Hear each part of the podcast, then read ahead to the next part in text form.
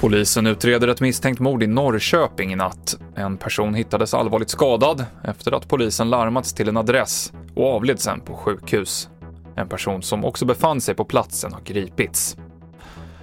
Det har inte gjorts några fynd under sökandet i rasmassorna i norska Gärdrum under natten, det säger polisen till VG.